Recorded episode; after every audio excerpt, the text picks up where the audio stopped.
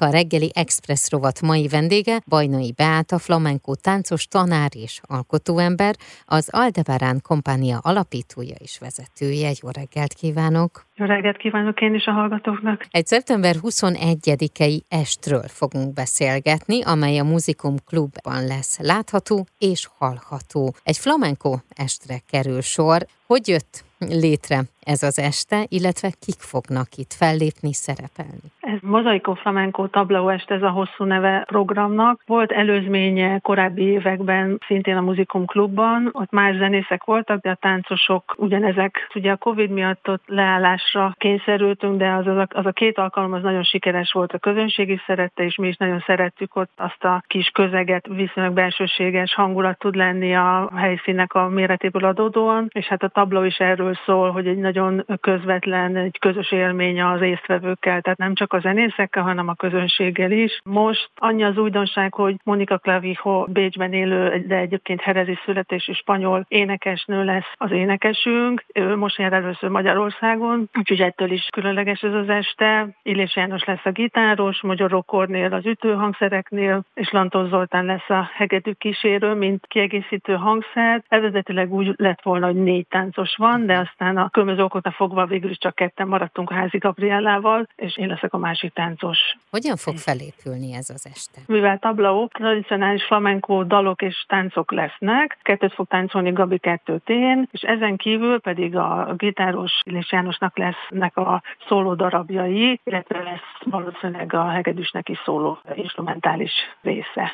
Tehát ezek fognak váltakozni, nem csak azért, mert öltöznünk kell, hanem uh-huh. hogy még színesebb legyen ez az este, ezért is ilyen mozaik jellegű, tehát uh-huh. ezért is ez a címe, hogy szépen illeszkednek majd a részek egymáshoz. A flamenco táncnak vannak elengedhetetlen kellékei. Ezek itt meg fognak mutatkozni, ott lesznek? Abból, amit terveztünk, abból csak a kendő lesz, de az is lehet, hogy majd még itt a zenekari próbán kiderül, hogy az egyik instrumentális zenére táncolok, és akkor abban viszont szándékozom legyezőt használni. Még előttünk van a próba, ez akkor fogjuk eldönteni, de egyelőre csak a kendő van a tervezett eszközökből. Ezen az esten milyen zeneművek lesznek hallhatóak? Feldolgozások, vagy olyanok, amelyek ismertek nagyon a flamenco stílusban? Egyrészt, amit említettem, Illés Jánosnak a saját szerzeményei lesznek, ezek gitáros dalok, instrumentális zenék, és ezen kívül flamenco, tehát klasszikus, tradicionális flamenco énekek zenével kísérve, és amire táncolunk, azok is klasszikus, tradicionális zenék és táncok lesznek.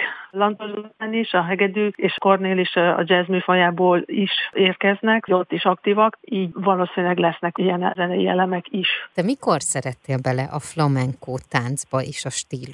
Ó, hát ez majdnem szerintem már lassan 30 éve lesz, amikor elmentem egy kurzusra, akkor még IDMC címen futott a Műszaki Egyetemen, nyaranként volt, és ott volt egy flamenco kurzus, és akkor én azt azonnal tudtam, hogy ez, ez az én, én műfajom, mert a aha élményem megvolt, és utána hát annyira intenzív volt ez az érzés, hogy addig hajtottam az eseményeket, amíg nem találtam egy tanárt, aki itthon tud nekem besegíteni, hogy fejlődjek, hogy tanulhassak. Ő volt Vámos Veronika, és aztán vele töltöttük nagyon sok évet, aztán elkezdtünk járni a táncos társaimmal külföldre, ott folytattuk annyira intenzív érzelmileg, amit az ember közben átél, és ha igazán jók vagyunk, úgy értem, hogy sem tudunk hangolódni mondjuk egy ilyen estén, mint ez a tabló est a mhm. muzikumban, uh-huh. akkor ott meg tud születni valami, ami, amire azt mondjuk, hogy flamenco, uh-huh. hogy egy nagyon-nagyon összetett, egy elementális és eszenciális valami, amit úgy érez közben az ember. Tehát ha nincs ott, akkor meg nem tudja ezt így, hiába beszélek most róla, nem is nem tudom csak körülírni. Annyira jelenben történik ez a dolog. Az ének, a zenész, a tánc a közönség között.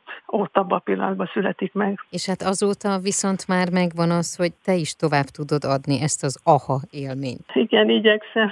Igen, amikor tanítok, akkor igyekszem ezt mind nonverbálisan, mint verbálisan átadni az embereknek. Szoktak is rajtam jókat nevetni, mert különböző hasonlatokat szoktam az életből venni, amitől próbálom ezt megnevesíteni, ezt az érzést és élményt. De igen, ezen vagyok, hogy ez tovább adódjon, illetve ami még plusz nekem nagyon-nagyon nagy büszkeség, és hadd legyek most ennyire önző, hogy ezt elmondom, hogy a házi Gabi volt az első, aki a másik táncos lesz most az este, az első csapatban, akiket tanítottam, és most már annyira a maga útját járja jó ideje, hogy gyakorlatilag most már azt mondom, hogy ő jobb táncos, mint én, és hogy egy ilyen estén együtt táncolhatunk. Szóval nekem ez a legnagyobb büszkeség, hogy ő, amikor 17 éves volt, én voltam az első tanára, és most mondhatnám azt, hogy én tanulhatok tőle. Tehát még akár ezt is ünnepelhetjük. 2023-ra én azt olvastam, hogy volt pár terved. Például az, hogy szeretnéd megírni és megvédeni a szakdolgozatot, új színházi oh, kamara előadás ötlet, és ezt megvalósítani, flamenco koncertsorozat, nem csak budapesti helyszíneken, a nyári tánctábor, gondolom ez már ugye elmúlt. már lement, igen. Így van, illetve csoportos táncórák új helyszínen. Na ebből mi valósult meg, mi az, ami esetleg még előtted van, és milyen tervek vannak? Az új hely az már tavaly ősz től megvan, tehát ott, ott folytatjuk a nyugatinál a csoportos táncórákat. Szakdolgozatvédés, az hát még nem értem meg, ez, ez egy nekem egy nagy, hát, hogy mondjam, itt tolom magam előtt ezt a uh-huh. dolgot.